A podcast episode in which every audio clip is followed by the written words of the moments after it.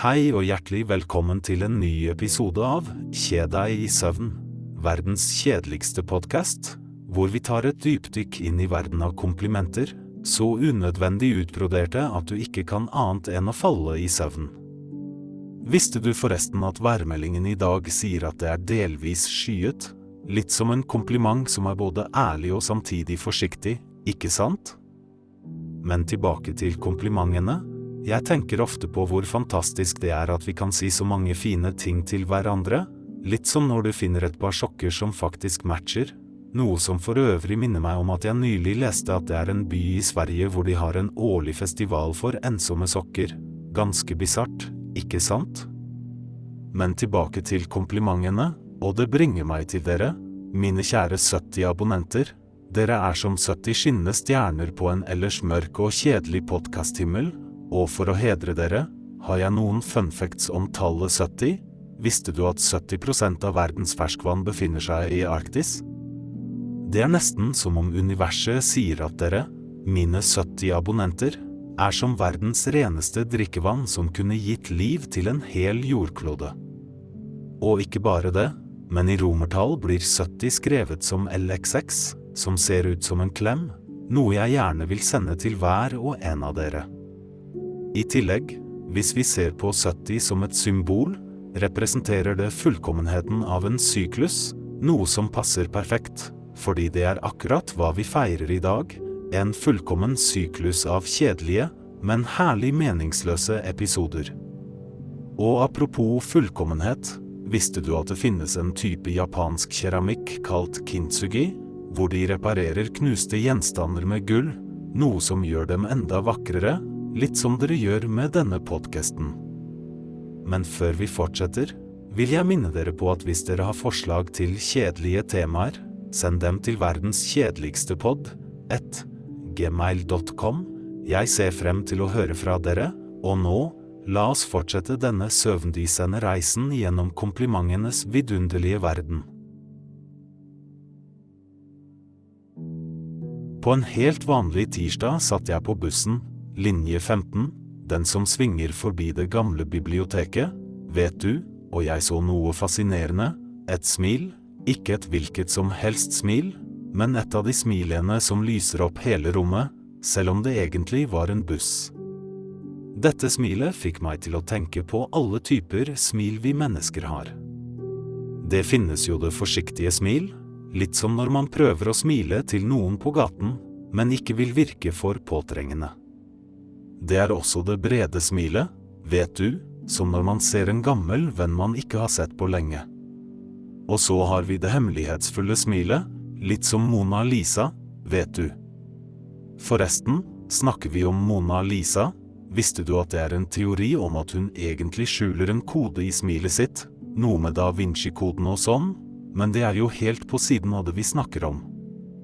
Tilbake til bussen og smilene, det er noe magisk med hvordan et smil kan påvirke humøret, ikke bare ditt eget, men også dem rundt deg.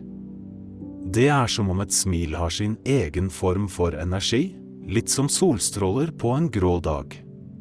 Og nå som vi snakker om smil, la meg gi deg noen komplimenter som jeg er sikker på passer deg, min kjære lytter. For det første, ditt smil er som solskinn på en overskyet dag, det bringer lys og varme til alle rundt deg. For det andre, ditt forsiktige smil, det er som en mild bris, behagelig og forfriskende. For det tredje, når du smiler bredt, er det som en fest i rommet, det sprer glede og latter.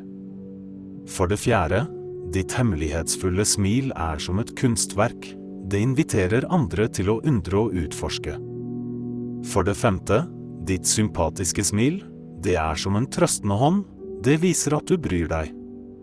For det sjette, ditt oppmuntrende smil, det er som en heiagjeng, det løfter opp andres ånd. Og for det syvende, Ditt genuine smil, det er som et speil av din sjel, ærlig og vakkert. Hver gang du smiler, gjør du verden litt bedre, litt lysere, og det er noe vi alle trenger, spesielt på en tirsdag på linje 15. La oss snakke om stoffer i klær. Det er jo så fascinerende hvordan et enkelt stoffvalg kan si så mye om en person, ikke sant? Ta for eksempel bomull. Det er som det gamle trofaste, alltid der og alltid komfortabelt. Litt som en god gammel venn som aldri skuffer. Bomullens historie er faktisk ganske interessant. Visste du at den har vært brukt i over 7000 år? Det er nesten som en tidslomme. Tenk på alle de menneskene som har brukt bomull gjennom tidene. Og så har vi silke. Av silke, det er som luksusens stoff. Mykt og glatt. En fryd for både øyet og huden. Silke har jo en helt egen historie. Det startet i Kina, vet du, og var så ettertraktet at det startet en hel handelsrute, kjent som Silkeveien. Det er fascinerende å tenke på hvordan et enkelt stoff kan påvirke hele sivilisasjoner. Men nå til deg, min kjære lytter, la meg gi deg noen komplimenter relatert til stoffene vi omgir oss med.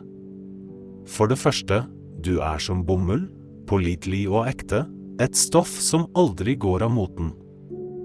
For det andre, du har silkeaktig glatthet i din tilnærming, myk og behagelig, og alltid etterlater et positivt inntrykk. For det tredje, du er som denim, allsidig og slitesterk, klar for enhver utfordring livet kaster din vei. For det fjerde, din personlighet har linjens eleganse, naturlig og med en sans for kvalitet. For det femte, du er som fløyel, rik på tekstur og dybde, alltid en kilde til fascinasjon og beundring. For det sjette, ditt vesen minner meg om ull, varm og innbydende, en trygg havn i en kald verden. Og for det syvende, du er som et vakkert brodert stoff, komplekst og detaljert, med en historie bak hvert mønster. Hvert stoff i verden har sin egen historie, akkurat som hver person, og din historie er like unik og vakker som de fineste stoffene. For tolv år siden, på en helt vanlig torsdag, hadde jeg den verste hårdagen noensinne. Jeg snakker om hår som så ut som det hadde sin egen vilje, og ikke en god vilje heller, men midt i dette kaoset av et hår, ga en fremmed meg et kompliment som har brent seg fast i minnet mitt. De sa, ditt hår har personlighet, det lyser opp rommet med sin villhet, og det er rart, men jeg husker det fortsatt. Når vi snakker om hår, la oss dykke inn i en historie om en frisørbesøk som virket som det aldri skulle ta slutt. Det var en av de der dagene hvor du bare vil ha en liten forandring, men ender opp med å diskutere alt fra hårstråets anatomi til sjampoingredienser. Visste du at et hårstrå er laget av et protein som heter keratin, og at det kan avsløre så mye om oss, fra våre spisevaner til hvor stresset vi er. Og sjampo, og sjampo er en verden i seg selv, med ingredienser som går fra helt vanlige til utrolig eksotiske, som arganolje eller keratin, og det bringer meg til en filosofisk refleksjon, hvorfor klipper vi egentlig håret vårt? Er det for forandring, eller er det en dypere mening bak det, kanskje en slags fornyelse? akkurat som trærne mister bladene sine om høsten? Men la meg gi deg noen komplimenter relatert til håret ditt, for jeg er sikker på at de passer deg perfekt. For det første, ditt hår, akkurat som det jeg opplevde for tolv år siden, har sikkert personlighet, det forteller en historie om hvem du er. For det andre, ditt hår har kanskje den mykheten som bare en god sjampo kan gi, gjør hver hårdag til en god hårdag. For det tredje, kanskje har du en frisyre som er både praktisk og stilig, et perfekt balanse mellom form og funksjon. For det fjerde, ditt hår har kanskje en farge som fanger oppmerksomheten, enten det er naturlig eller et valg du har tatt, det lyser opp som en stråle av sollys. For det femte, kanskje har du krøller som danser med hver bevegelse, et lekent uttrykk for din personlighet. For det sjette, Kanskje har du hår som er sterkt og robust, et tegn på god helse og omsorg. Og for det syvende, kanskje ditt hår har en tekstur som er unik, akkurat som hvert snøfnugg, ulikt alle andre.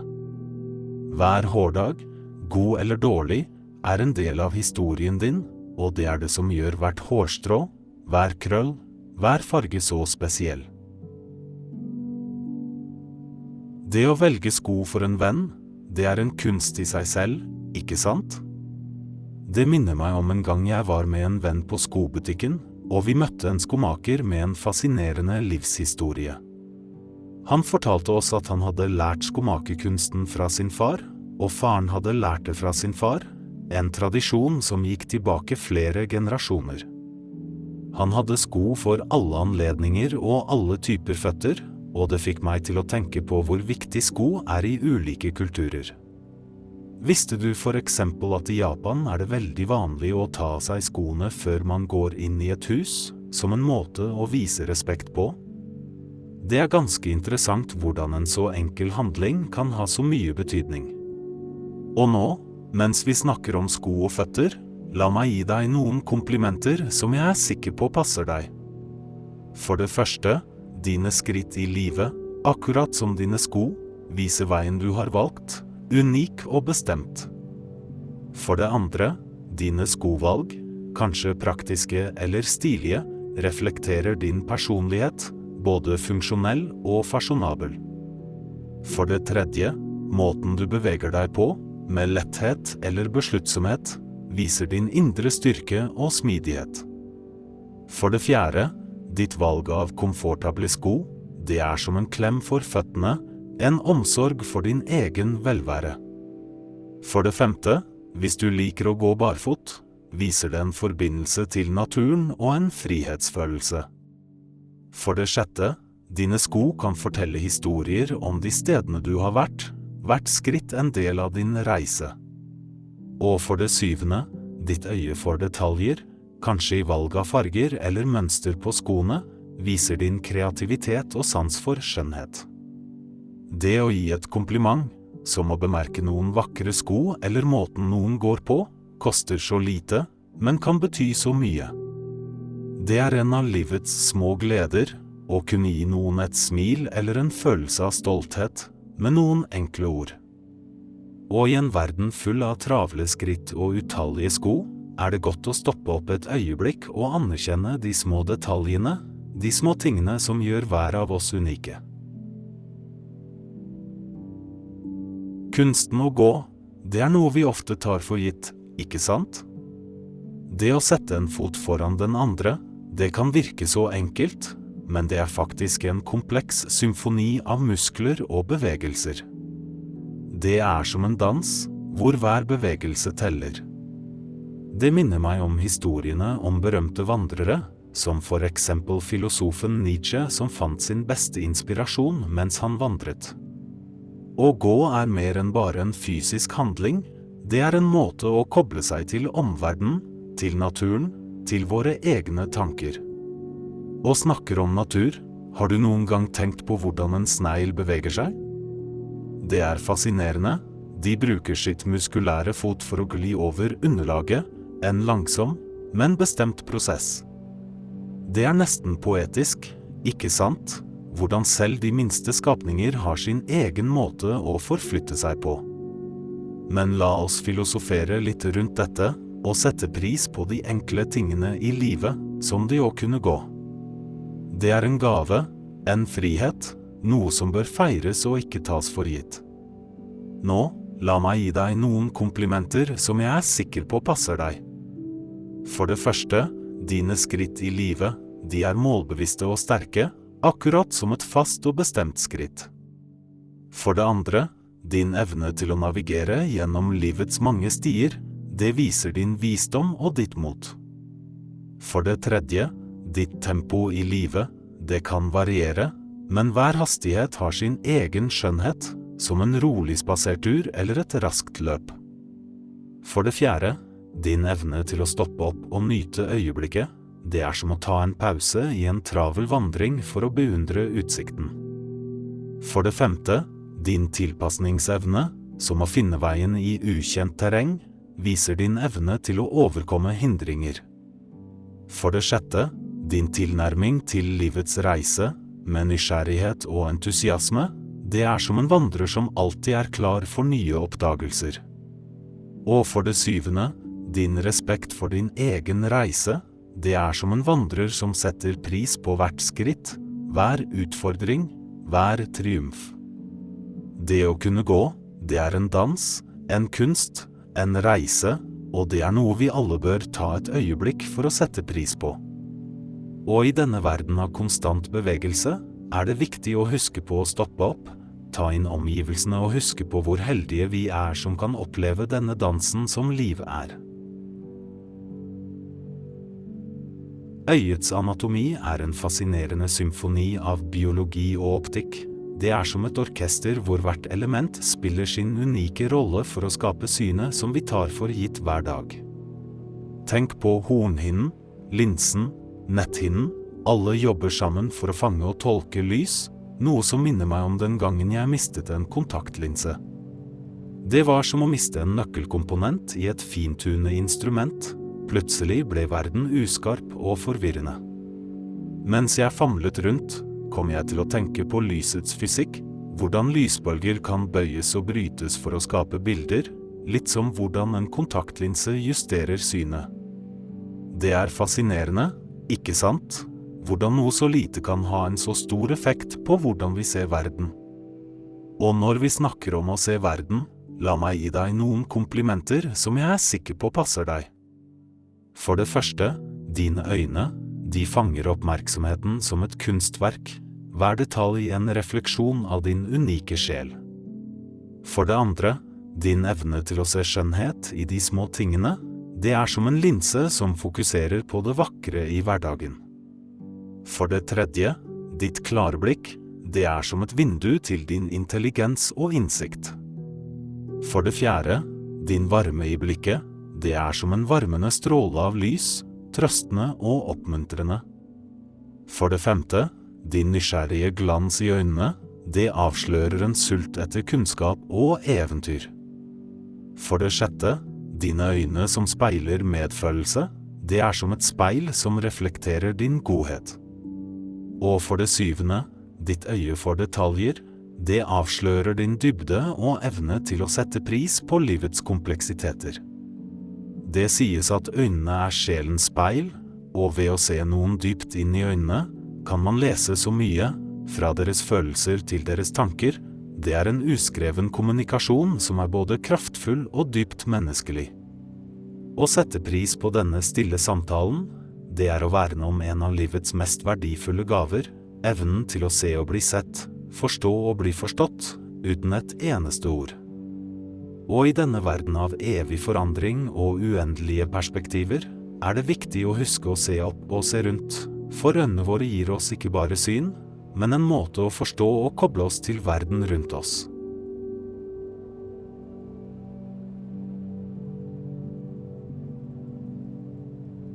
Håndtrykket, et så enkelt, men kraftfullt symbol på tillit og respekt, har en historie som strekker seg tilbake til antikken. Det startet kanskje som en gest for å vise at man ikke bar våpen, og har utviklet seg til en universell hilsen. Men visste du at i middelalderen, da ridderne brukte rustning, var en vanlig hilsen å løfte visiret på hjelmen for å vise ansiktet? Det er fascinerende hvordan hilsener utvikler seg over tid. Og når vi tenker på hilsener, er det interessant å se på hva som kan være dynes variant av et håndtrykk. For eksempel hunder som snuser på hverandre, eller elefanter som fletter snablene sine, det er deres måte å hilse på. Men la meg gi deg noen komplimenter relatert til håndtrykkets kunst. For det første, ditt håndtrykk, fast og ærlig, det viser din oppriktighet og styrke. For det andre, din evne til å møte nye mennesker med åpenhet, det er som et varmt og innbydende håndtrykk. For det tredje, din respektfulle måte å anerkjenne andre på, det er som et håndtrykk som bygger broer. For det fjerde, din selvsikkerhet, den skinner gjennom i ditt håndtrykk, et tegn på ditt lederskap. For det femte, din oppmerksomhet til detaljer, det er som et håndtrykk som ikke går ubemerket hen. For det sjette, din evne til å formidle vennlighet gjennom et enkelt håndtrykk, det er som en stille invitasjon til vennskap. Og for det syvende, din balanse mellom styrke og mykhet i håndtrykket, det er som en perfekt koreografi av respekt og omsorg. Håndtrykket, en så liten gest, men så fylt med betydning, en påminnelse om at selv de enkleste handlinger kan bære stor betydning. Og i en verden hvor hilsener stadig endrer seg, er det viktig å huske på kraften i en hånd, strekt ut i vennskap og tillit, en universell gest som krysser kulturer og språk, og binder oss sammen i en felles menneskelighet.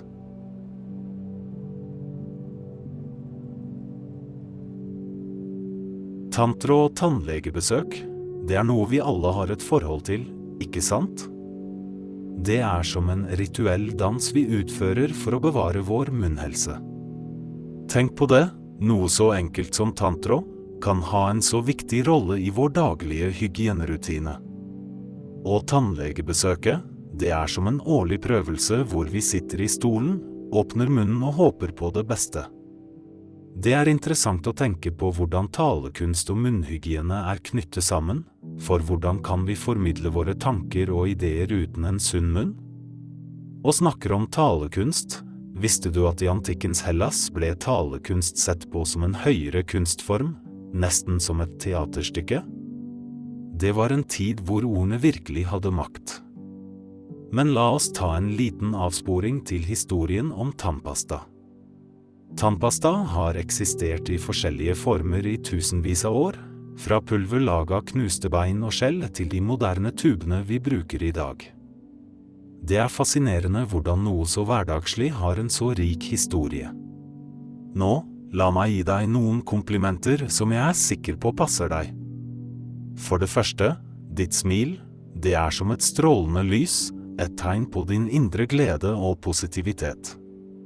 For det andre, din evne til klar kommunikasjon, det er som musikk for ørene, en fryd å lytte til. For det tredje, din omsorg for munnhygiene, det reflekterer din omsorg for deg selv og de rundt deg. For det fjerde, din veltalenhet, det er som en bro som forbinder tanker og følelser, og gjør det enkelt for andre å forstå deg. For det femte, din bruk av humor i samtaler, det er som et friskt pust, alltid velkommen og oppfriskende. For det sjette, din evne til å lytte, det er like viktig som å tale, og det viser din respekt og empati for andre. Og for det syvende, din evne til å uttrykke deg ærlig og oppriktig, det er som en sjelden perle i en verden av overflateprat. Å ta vare på vår munnhelse og vår evne til å kommunisere, det er ikke bare en rutine, det er en kunstform, en måte å uttrykke vår identitet og våre verdier. Og i en verden full av ord og uttrykk er det viktig å huske på kraften et smil og et velvalgt ord kan ha, ikke bare for oss selv, men også fordi vi deler dem med.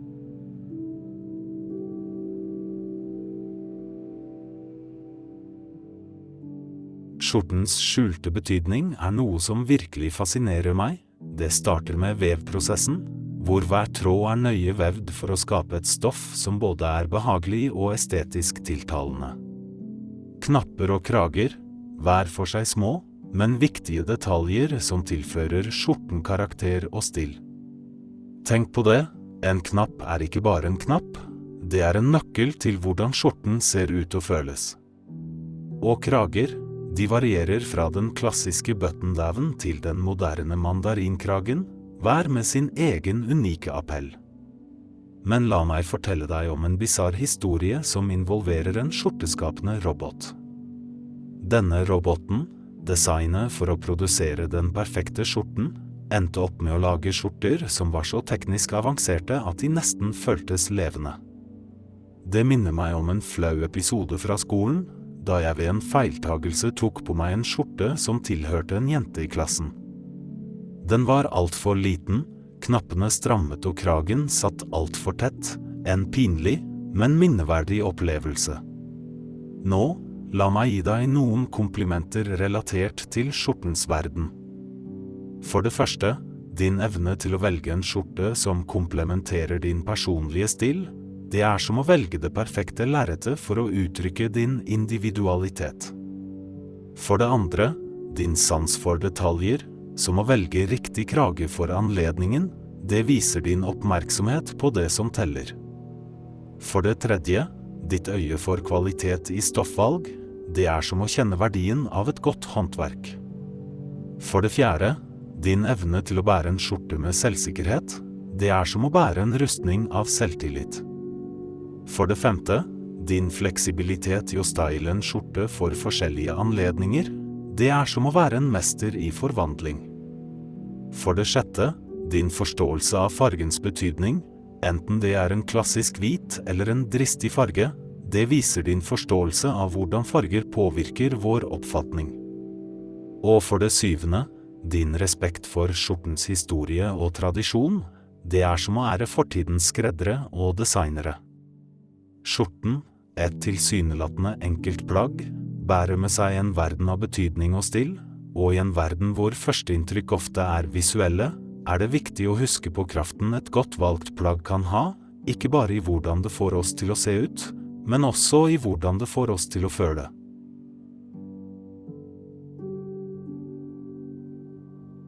La oss snakke om bukser og deres utrolige reise gjennom tidene. Jeg husker en spesiell bukse jeg hadde som ble sydd om og om igjen. Hver gang den ble reparert, fikk den et nytt liv, et nytt kapittel i sin egen historie. Det minner meg om tekstilindustriens historie, hvordan klær ikke bare er et moteuttrykk, men et vitnesbyrd om tidsånden og samfunnets utvikling. Tenk på det, Bukser for 1000 år siden var ganske annerledes, mer praktiske, laget for arbeid og slit. 100 år siden hadde vi strammere silhuetter, som reflekterte den tids moteideal. 50 år siden ble buksene mer avslappede, et speilbilde av den sosiale og kulturelle friheten som preget tiden. Og nå, bukser kommer i alle slags fasonger og stiler, som et lerret for personlig uttrykk. Dette fører meg til noen komplimenter til deg, min kjære lytter. For det første, din evne til å tilpasse deg, akkurat som bukser som endrer seg over tid, viser din fleksibilitet og åpenhet for forandring. For det andre, din klassiske stil, det er som tidløse bukser, alltid på moten og alltid relevant. For det tredje, din kreativitet, reflektert i ditt valg av bukser, det er som et kunstverk du bærer med deg. For det fjerde, din komfort med hvem du er, det er som å finne det perfekte paret med bukser, en naturlig forlengelse av din personlighet. For det femte, din styrke og slitestyrke, det er som bukser laget for å vare, pålitelige og robuste. For det sjette, din allsidighet, det er som bukser som passer for enhver anledning, alltid klar for hva livet byr på. Og for det syvende, din sans for detaljer, det er som en bukse med perfekte sømmer, et tegn på kvalitet og omtanke. Bukser, et så enkelt plagg, men likevel så fullt av historier og betydninger, et eksempel på hvordan klær er mer enn bare stoff, men et speil av vår kultur, vår historie og våre personlige historier. Og i en verden i konstant endring er det godt å huske på at noen ting, som et godt par bukser, har en tidløs verdi, en evne til å tilpasse seg og fortelle en historie, akkurat som hvert enkelt av oss.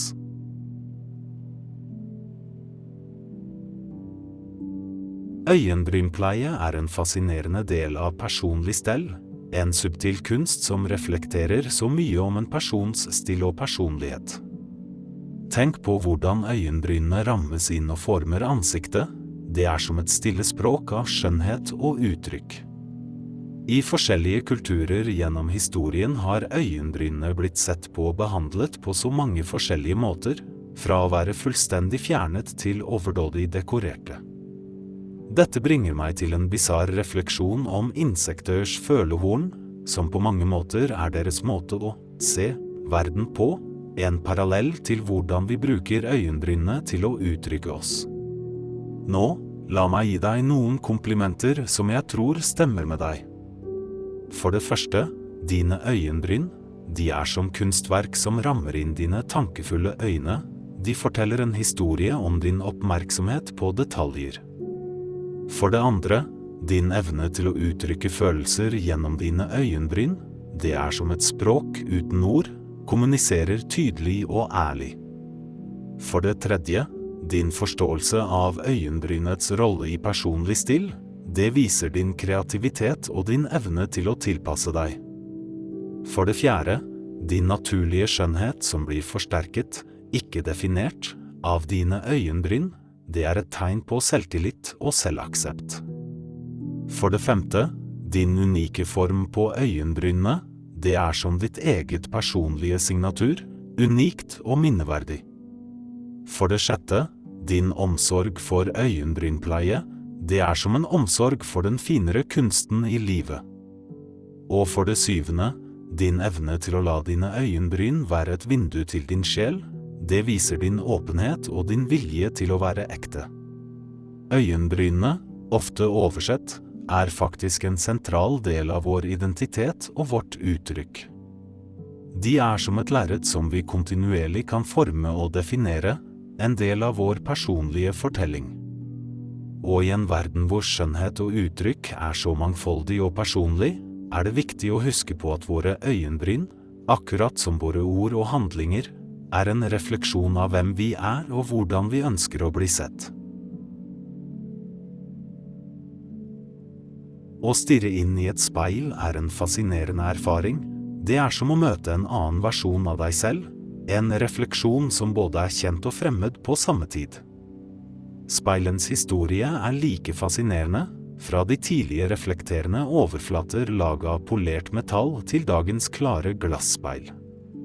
Tenk på hvordan speil har blitt brukt gjennom historien, ikke bare for å se oss selv, men som symboler i kunst og litteratur. Og snakker om refleksjon, la oss ta en liten avsporing til fysikken bak refleksjon. Lysbølger treffer en overflate og kastes tilbake, akkurat som våre tanker og følelser ofte er refleksjoner av vår indre verden. Nå La meg gi deg noen komplimenter som jeg føler passer til temaet speil. For det første, din evne til selvinnsikt. Det er som et klart speil som gir en ærlig refleksjon, det viser din evne til å forstå og vokse. For det andre, din unike skjønnhet, både innvendig og utvendig, det er som et speil som fanger og reflekterer det beste i deg. For det tredje, din klare og gjennomtenkte kommunikasjon, det er som et speil som reflekterer dine tanker med klarhet. For det fjerde, din empati, det er som et speil som viser din evne til å se og forstå andre mennesker.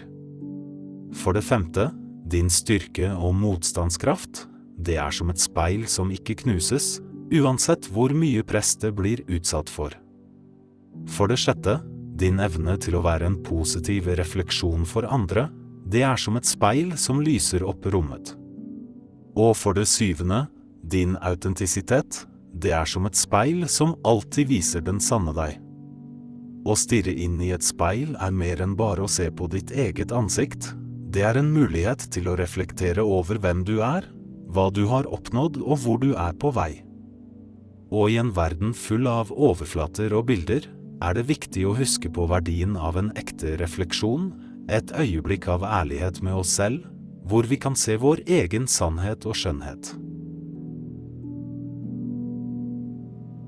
Valg av parfyme er en personlig reise, en søken etter den duften som ikke bare dufter godt, men som også forteller en historie om hvem du er.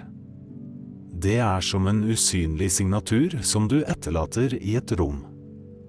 I denne prosessen er kjemien bak duftmolekylene fascinerende. Hver duft har sin egen unike molekylstruktur, noe som påvirker hvordan den oppfattes av våre luktesanser.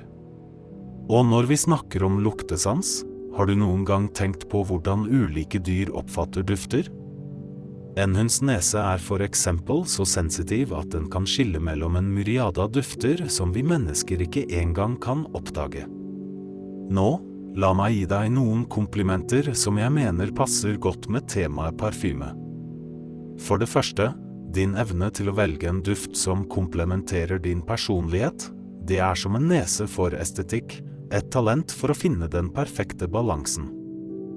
For det andre, din tilstedeværelse, akkurat som en god parfyme, er subtil, men minneverdig, noe som gjør at folk husker deg lenge etter at du har gått.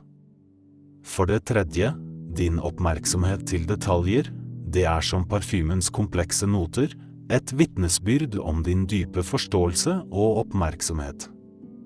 For det fjerde, din evne til å forandre stemningen i et rom, det er som en duft som kan forvandle atmosfæren, fra vanlig til ekstraordinær. For det femte, din unike stil, det er som en skreddersydd parfyme, unik og uttrykksfull. For det sjette, din naturlige sjarm, det er som en duft som fenger og fengsler, umulig å ignorere. Og for det syvende, din indre styrke, det er som duften som varer lenge, et tegn på utholdenhet og karakter. Å velge en parfyme er mer enn bare å velge en duft, det er en kunstform, en måte å uttrykke vår innerste essens. I en verden hvor så mye kommuniseres gjennom det synlige, minner parfymen også om kraften i det usynlige, i de subtile hintene som vi etterlater oss, som forteller en historie uten ord.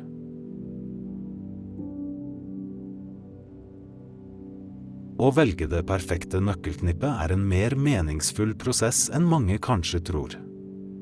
Det er som å samle små biter av livet ditt, hver nøkkel en portal til forskjellige aspekter av din eksistens. La oss dykke ned i historien om låsens oppfinnelse, en fortelling som strekker seg tilbake til de gamle sivilisasjonene hvor låser var symboler på både makt og beskyttelse. Tenk på hvordan nøkler og låser har utviklet seg, fra de store, kunstferdige nøklene i middelalderen til dagens små, nesten usynlige elektroniske låser. Og mens vi snakker om nøkler, la oss ta en liten avsporing til nøklers symbolikk. I litteraturen representerer ofte nøkkelen kunnskap, mysterium eller en løsning på et problem. Tenk på hvordan en nøkkel kan representere så mye mer enn bare en måte å låse opp en dør. Nå, la meg gi deg noen komplimenter som jeg tror passer deg godt. For det første, din evne til å låse opp potensialet i hver situasjon, det er som å ha den rette nøkkelen for hver lås. For det andre, din forståelse og innsikt, det er som en nøkkel til dypere forståelse og kunnskap. For det tredje, din tilpasningsdyktighet, det er som å ha et nøkkelknippe fylt med løsninger for enhver utfordring. For det fjerde, din styrke og sikkerhet, det er som en solid lås som beskytter dine verdier og idealer. For det femte, din evne til å åpne nye dører og muligheter, det er som en mesternøkkel til livets mange mysterier. For det sjette, din unike personlighet, det er som en nøkkel som er unikt utformet bare for deg. Og for det syvende, din evne til å holde på hemmeligheter, det er som en lås som kun du har nøkkelen til. Å velge et nøkkelknippe, det er som å velge hvilke deler av livet du vil ha lett tilgang til, hvilke dører du velger å åpne ofte, og hvilke du holder låst. I en verden hvor vi stadig står overfor nye dører og muligheter, er det viktig å huske på at de nøklene vi bærer med oss, både bokstavelig og billedlig, former vår reise og våre valg.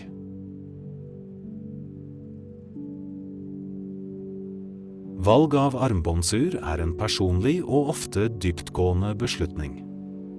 Det er som å velge en følgesvenn som skal markere tidens gang sammen med deg.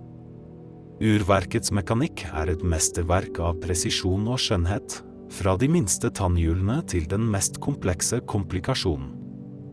Tenk på hvordan et ur tikker, hver bevegelse et symbol på tidens kontinuerlige gang.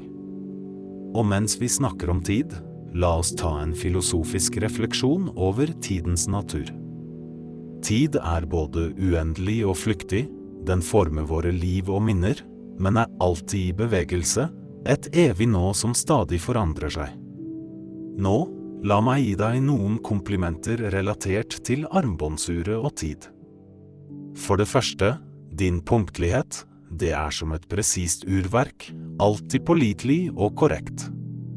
For det andre, din evne til å verdsette hvert øyeblikk, det er som et ur som teller sekunder, minutter og timer, et vitnesbyrd om din bevissthet om livets flyktighet.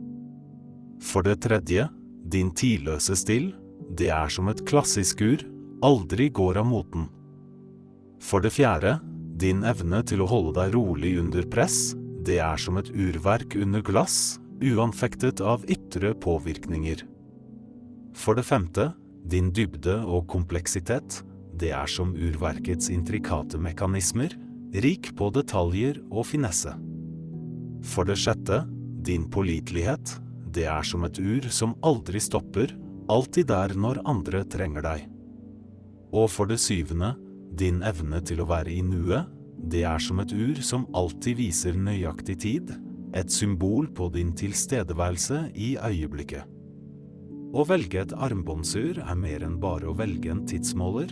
Det er en refleksjon over hvordan vi ser på tid, hvordan vi måler våre liv og hvordan vi velger å tilbringe våre øyeblikk.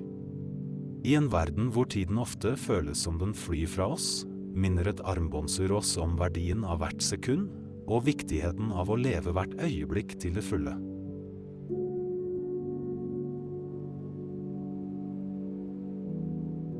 I denne siste delen av vår reise sammen, la oss drømme oss bort i en verden hvor alt er mulig, en verden hvor tiden står stille og hvert øyeblikk er en evighet. Forestill deg en verden hvor bukser syr seg selv, hvor skoene dine tar deg med på eventyr i ukjente land, og hvor hver klokke tikker i takt med ditt hjerte. Tenk deg et sted hvor hvert speil viser ikke bare ditt ansikt, men også din sjel, og hvor hver parfyme er en duft av dine innerste drømmer. I denne verden er du ikke bare en tilhører, men en skaper av din egen virkelighet. La meg gi deg noen ekstremt absurde, men dypt meningsfulle komplimenter. For det første, du er som en magisk nøkkel som kan åpne enhver dør, selv de som fører til andre dimensjoner. For det andre, din evne til å forstå universets mysterier er så stor at selv de eldgamle filosofene ville bli stumme av beundring. For det tredje, ditt smil er så blendende at det kan lyse opp den mørkeste galakse. For det fjerde, dine tanker er så dyptgående at selv det dypeste havet virker grunt i sammenligning. For det femte, din humor er så skarp at den kan kutte gjennom diamant. For det sjette, din sjel er så vakker at den får regnbuene til å blekne. Og for det syvende, din tilstedeværelse er så kraftfull at den kan forandre tidens gang. Mens vi beveger oss mot søvnens rike, la oss ta med oss disse bildene og tankene. La dem være som en bro mellom våkenhet og drøm, hvor virkelighet og fantasi smelter sammen i en dans av stjerner og drømmer. Og mens du sovner, Husk at i drømmelandet er alt mulig, og hver drøm er et skritt nærmere din dypeste essens og dine villste fantasier. Sov godt, drøm stort, og husk at i morgen er en ny dag, en ny mulighet til å skape og utforske, akkurat som i drømmenes uendelige univers. God natt.